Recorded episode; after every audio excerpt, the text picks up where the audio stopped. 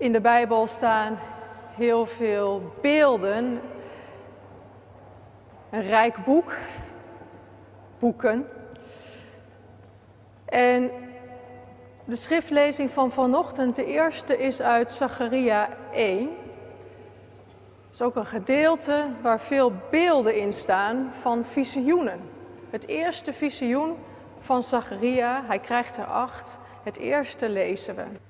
Daarna lezen wij uit Openbaring 6. Ook een gebed uit de diepte.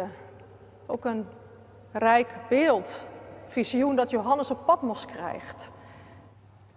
Op de 24ste dag van de 11e maand, de maand Sebat, in het tweede regeringsjaar van Darius, richtte de Heer zich tot de profeet Zacharia, de zoon van Berachia, de zoon van Iddo. Dit is zijn relaas. Vannacht had ik een visioen. Ik zag een man op een voskleurig paard. Hij stond tussen de meertestruiken aan de oever van het diepe water. En iets verderop stonden nog meer paarden, roodvossen, goudvossen en schimmels. Wat betekent dat, mijn heer? vroeg ik. En de engel die met mij sprak antwoordde: Ik zal je laten zien wat dit betekent. De man die tussen de meertestruiken stond, zei: Dit zijn de ruiters die de Heer heeft gestuurd om de aarde te doorkruisen. De ruiters zeiden tegen de engel van de Heer, die tussen de meertestruiken stond: Wij hebben de hele aarde doorkruist. Overal is het vredig en stil. Toen riep de engel van de Heer uit: Heer van de hemelse machten, hoe lang zal het nog duren voor u erbarmen toont met Jeruzalem en de steden van Juda, waarop u nu al 70 jaar verbolgen bent? Daarop antwoordde de Heer, de engel die met mij sprak, met troostende en bemoedigende woorden. En de engel droeg mij op te verkondigen. Dit zegt de Heer van de hemelse machten. Brandend van liefde neem ik het op voor Jeruzalem en Sion. En siedend van woede ben ik op de zelfgenoegzame volken. Ik had mijn toorn immers alweer laten varen, maar zij hebben mijn volk steeds harder aangepakt. Daarop, zegt de Heer, keer ik vol erbarmen terug naar Jeruzalem. Mijn huis zal er worden herbouwd, spreekt de Heer van de hemelse machten. En met het meetlint in de hand zal, ik een, zal een begin worden gemaakt met de wederopbouw van de stad. Verder moest ik verkondigen, dit zegt de Heer van de hemelse machten, opnieuw zullen mijn steden overvloeien van voorspoed. Opnieuw zal de Heer Sion troosten. Opnieuw zal hij Jeruzalem uitverkiezen. Toen het lam het vijfde zegel verbrak, zag ik aan de voet van het altaar de zielen van al degenen die geslacht waren, omdat ze over God hadden gesproken en vanwege hun getuigenis. Ze riepen luid, O heilige en betrouwbare Heer, wanneer zult u de mensen die op aarde leven eindelijk straffen en ons bloed op hen breken? Ieder van hen kreeg witte kleren. Verder werd hun gezegd nog een korte tijd geduld te hebben, totdat ook de andere dienaren, hun broeders en zusters, die net als zij zouden worden gedood, zich bij hen gevoegd zouden hebben. Gemeente van Jezus Christus. Israëlzondag. De hervormde kerk stelde dat na de Tweede Wereldoorlog in en we kunnen begrijpen waarom. Tegelijkertijd zijn er vandaag de dag veel vragen omtrent Israël, onder meer vanwege de spanningen met de Palestijnen. En ik denk ook aan de kerk in Libanon, waar structureel niet over Israël wordt gesproken, maar over het heilige land. De naam Israël is voor hen te veel verbonden met de staat Israël, met wie Libanon tot op de dag van vandaag op gespannen voet leeft. Israël is omgeven met vragen. Vragen die wij niet opgelost krijgen. Israël en de volkeren, ze zijn onlosmakelijk verbonden, maar ze zijn ook steeds in conflict. En er zijn Joodse tranen en er zijn Palestijnse tranen. En de kerk en Israël zijn verbonden, maar gaan ook uiteen. Ik heb voor vandaag voor het gedeelte uit Zacharia gekozen. Een profetenboek waar ik niet zo vertrouwd mee ben. Ik kende vooral wat losse teksten van Zacharia. Bijvoorbeeld van het plein in Jeruzalem, waar de ouden vandaag zittend met een stok en de kinderen spelend elkaar ontmoeten. Of dat gedeelte wat vaak op Palmpasen klinkt, dat de koning niet op een paard komt, maar op een ezel. Ik heb dit profetenboek voor deze zondag gekozen omdat God expliciet de liefde aan Israël verklaart. En dat zegt in de eerste instantie niet zoveel over Israël. Maar het zegt wel alles over God. En daar wil ik het met u over hebben. Zacharia krijgt een visioen. God die spreekt door woorden, maar ook door beelden. Mensen kunnen visioenen krijgen. Wij zijn daar meestal niet zo vertrouwd mee. Maar er zijn gelukkig ook hedendaagse verhalen over. En dan moet ik bijvoorbeeld denken aan een vrouw in mijn eerste gemeente. Zij kwam uit een niet-gelovig gezin. En zij kreeg een visioen van Jezus die aan tafel zat en haar uitnodigde. En zo zijn er meer verhalen. Zacharia kreeg een visioen. Klein beetje context. Het is 520 voor Christus. Het tweede jaar van Darius, de koning van de Persen. Het is dan bijna twintig jaar geleden dat de eerste groep Joodse ballingen uit Babel is teruggekeerd. De Persische koning Cyrus die had Babylon veroverd en ruimte gegeven voor de terugkeer naar Israël. De ballingen die terugkwamen vonden de stad Jeruzalem en de tempel geheel in puin. En het eerste enthousiasme verdween al snel in de rivaliteit die er ontstond tussen degenen die gebleven waren en degenen die terugkwamen. En door de politiek en economische wankele situatie die er was. En door het vele geld dat er nodig is voor de herbouw van de stad en de tempel. De Heer richt zich tot Zacharia. Misschien wel toen Zacharia op het verwoeste tempelplein stond en luisterde naar een preek van de profeet Haggai, die met bevlogen woorden sprak dat ze de draad weer moesten oppakken en moesten beginnen met de herbouw van het land, te beginnen bij de tempel. Het volk Israël heeft al heel veel profeten gehad. Profeten die hadden gewaarschuwd dat het volk te ver bij God vandaan leefde. Helaas kwam er geen verandering. En ze hadden profeten gehad die gezegd hadden dat het politieke geweld en dat de deportatie niet losstond van de toren van God. Israël werd naar Babylon gedeporteerd en was daar lang. De Bijbel spreekt over 70 jaar, meerdere generaties op rij, maar meer nog een getal dat past bij God. Maar nu wordt God zelf, het plat gezegd, zat. Hij heeft er genoeg van. Schoon genoeg. Laten we opnieuw beginnen, begint het boek Zacharia.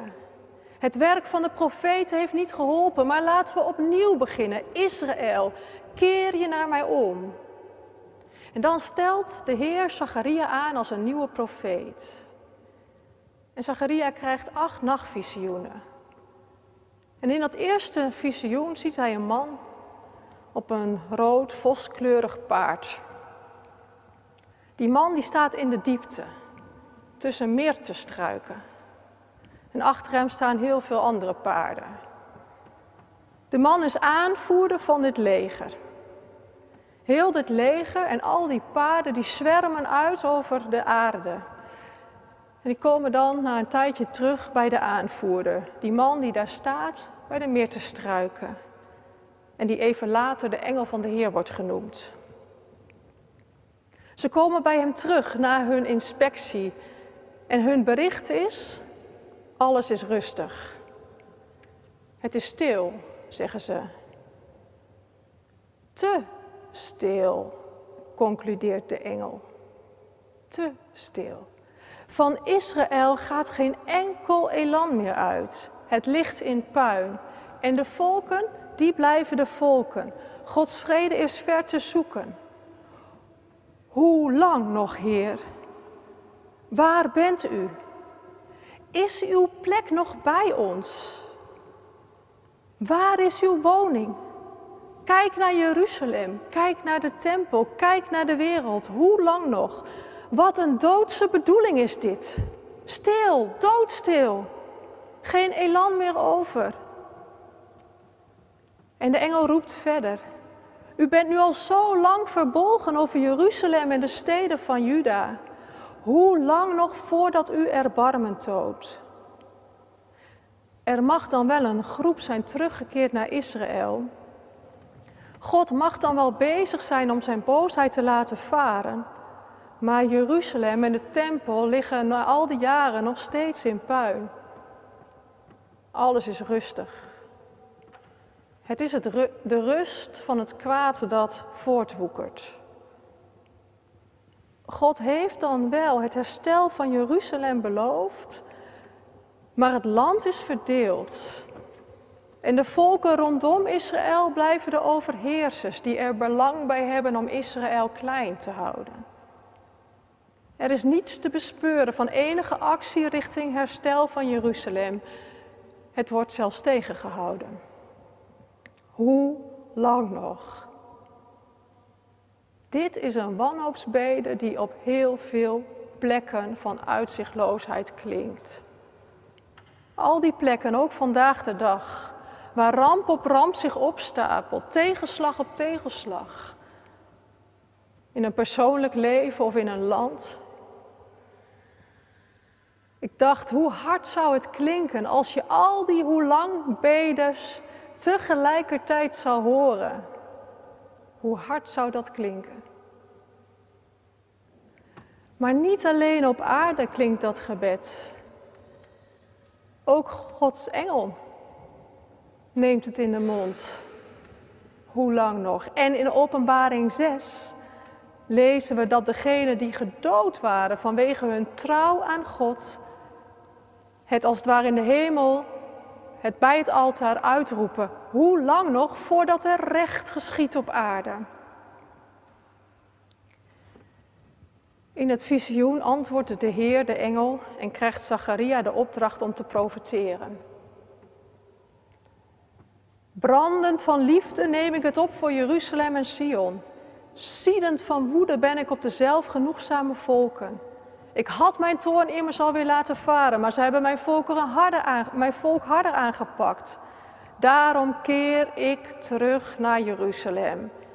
Het is genoeg. De volken gaan hun boekje te buiten. Ik neem het opnieuw op voor Israël. Jeruzalem zal worden opgebouwd. Voorspoed zal er zijn. Sion zal ik troosten. Jeruzalem uitverkiezen. God meent het. Niet pas na de bekering van Israël. Maar hij meent het vanwege zijn toewijding, vanwege zijn passie, vanwege zijn belofte. Het verleden is voorbij. Die verhouding tussen Israël en de volken speelt in het hele Zacharia-boek een rol. Hier horen we dat God genoeg heeft van de harde aanpak van de volkeren. Later, aan het einde in Zacharia, lezen we dat de volken naar Jeruzalem gaan om met Israël het Loofhuttenfeest te vieren. Want dat staat God voor ogen. Israël en de volken samen die Hem als koning eren, Hem alleen. Israël en de volkeren, ze kunnen niet met elkaar, ze kunnen niet zonder elkaar. Tot op de dag van vandaag. Toch zijn ze tot elkaar veroordeeld. Door God zelf. Want God kiest voor Israël. Steeds opnieuw kiest Hij voor Israël. Maar steeds vanuit het perspectief dat dit ook de volkeren tot Hem zal brengen. Collega Den Dulk, die brengt dat heel mooi onder woorden. En ik haal hem hier aan. Als een vrouw tegen een man zegt: Ik houd van jou, dan betekent dat niet dat alle andere mannen kunnen doodvallen. Integendeel, die liefdesverklaring die draagt de belofte in zich dat een ieder ander zal vinden die tegen hem zegt: Ik houd van jou. Dat bijzondere gebeuren heeft een universele strekking. Maar als die man dan zou antwoorden: Ik houd van alle vrouwen, dus ook van jou, dan zal ze terecht lastige vragen gaan stellen. Deze algemenisering, dat werkt niet. Zo is het bij de God van Zacharia. Die is nu eenmaal geen allemansvriend, zo'n wereldknuffel voor ieder die in iets hogers gelooft. Bij een allemansgod kan men terecht lastige vragen stellen. Die is per definitie onbetrouwbaar. Maar de God van Zacharia houdt van zijn volk Israël. En bereidt vol liefde en geduld voor dat volk een plaats op aarde. Hij laat dat volk niet vallen. En door de manier waarop deze God van Israël houdt, geeft hij aan alle volken op aarde de verzekering, zo wordt ook jij bemind, zo wordt ook voor jou een plaats bereid. Zijn liefde ontsteekt een vuur dat de wereld overgaat. Het bijzondere van die liefde is dat het de volkeren niet uitsluit, maar insluit, inspireren wil. De trouwbelofte aan Israël werkt vruchtbaar voor alle volken, om te beginnen bij de Palestijnen. Dat is althans de bedoeling. Dat betekent dan wel dat er voor Israël geen vrede kan zijn zolang er voor de Palestijnen geen vrede is.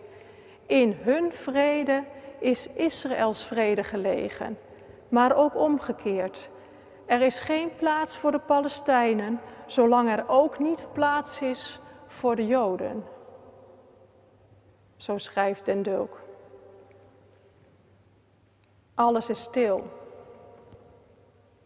De status quo heerst. Waarop de engel riep: Hoe lang nog, Heer? Nu klinkt dat gebed in de diepte tussen de meertestruiken.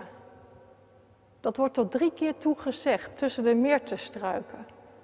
Dat zijn groene heesters met witte bloemetjes en blauwe bessen.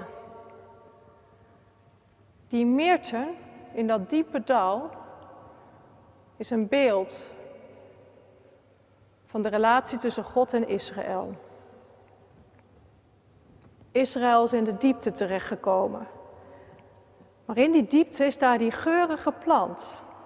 Dit visioen is beeldrijk. In die diepte, in die doodse stilte, is er de meertestruik. Het zijn de meertetakken die werden gebruikt in een bruidsboeket. In dit dal staat dus zogezegd een bruidsboeket. Teken van Gods liefde en trouw. Van God die het brandend van liefde opneemt voor Israël. En daar komt nog iets bij. Op het Loofhuttenfeest van de Joden, dat vorige week ook weer is gevierd, worden hutten gemaakt. Onder meer van meertetakken. Dat is gebaseerd op Leviticus 23. Een week lang leefde Israël in die hutten. Het Loofhuttenfeest is een feest waarin de dank voor de oogst wordt geuit, maar ook de dank voor de bevrijding, de uittocht uit Egypte wordt gevierd. Het is het feest voor God de Schepper en voor God de Bevrijder. De meertetak in de diepte is dus vol zeggingskracht voor Israël. Het brengt levendig voor ogen wie God is in een bruidsboeket en in een loofhut. Mooi eigenlijk dat die takken van de loofhut takken van een bruidsboeket zijn. Het vieren van de oogst en van de bevrijding gebeurt in taal van liefde en trouw.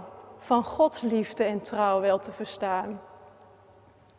Want niet de omkeer van Israël maakt het verschil. Zacharias begint er, Zacharia begint er veelzeggend mee dat ondanks alle profeten het volk niet tot omkeer kwam. Maar Gods liefde maakt het verschil voor een nieuw begin. Het is genoeg. En dan tot slot, Openbaring 6. Daar resoneert dat gebed hoe lang nog. Het begint ook met allemaal paarden die symbool staan voor oorlog, honger en dood in Openbaring 6. Dan bij het vijfde zegel laten we de paarden even achter ons. Die draven over de wereld en krijgen een kijkje in de hemel. Johannes hoort de martelaren in de hemel schreeuwen, hoe lang nog? De hemel wordt hier dus niet voorgesteld als een statische toestand van onaangedane gelukzaligheid. De martelaren die roepen onder het altaar. Het altaar, dat is de plek van schuld en verzoening. Dat is de plek van gebed en van lofprijzing. Zij roepen, hoe lang nog, Heer, voordat u ons bloed wreekt? Dat wil zeggen, voordat er recht en gerechtigheid komt. Ze roepen niet om grillige wraak, ze roepen om recht en gerechtigheid op deze wereld. Dat het bloedvergieten stopt. En dan is het antwoord dat de martelaren krijgen verrassend. Ze krijgen een wit kleed. Een wit kleed. Daarin wordt Gods belofte van verlossing als een teken aan hen gegeven. Zijn belofte van verlossing in het kleed. Dat gaat er komen, die verlossing. Teken van hoop. Recht gerechtigheid zullen winnen. Deze streep ligt in Openbaring 6. Dat roept Johannes en dat roept de gemeente op om vol te houden. En om te blijven bidden om recht en gerechtigheid. Wij kunnen Gods tijd niet narekenen. Heel veel begrijp ik er ook niet van. Maar de taal van de hoop die de Bijbel spreekt in zowel Zacharia als in Openbaring helpt mij wel om verder te kijken. Te midden van kleine en grote wanhopige vragen te midden van wereldwijde tranen. Het gebed hoe lang nog? Te midden van de oorlogen, de paarden die draven. Is er een bruidsboeket? Is er een loofhut? Is er een wit kleed? Maar ook een gemeente die biddend samenkomt. Teken van hoop. Die niet zoveel niet zozeer wat over ons zeggen, maar die alles over God zeggen. Zijn liefde, zijn trouw. En het zijn voor ons tekenen om te ontvangen en om daar vervolgens moedig uit te leven. Amen.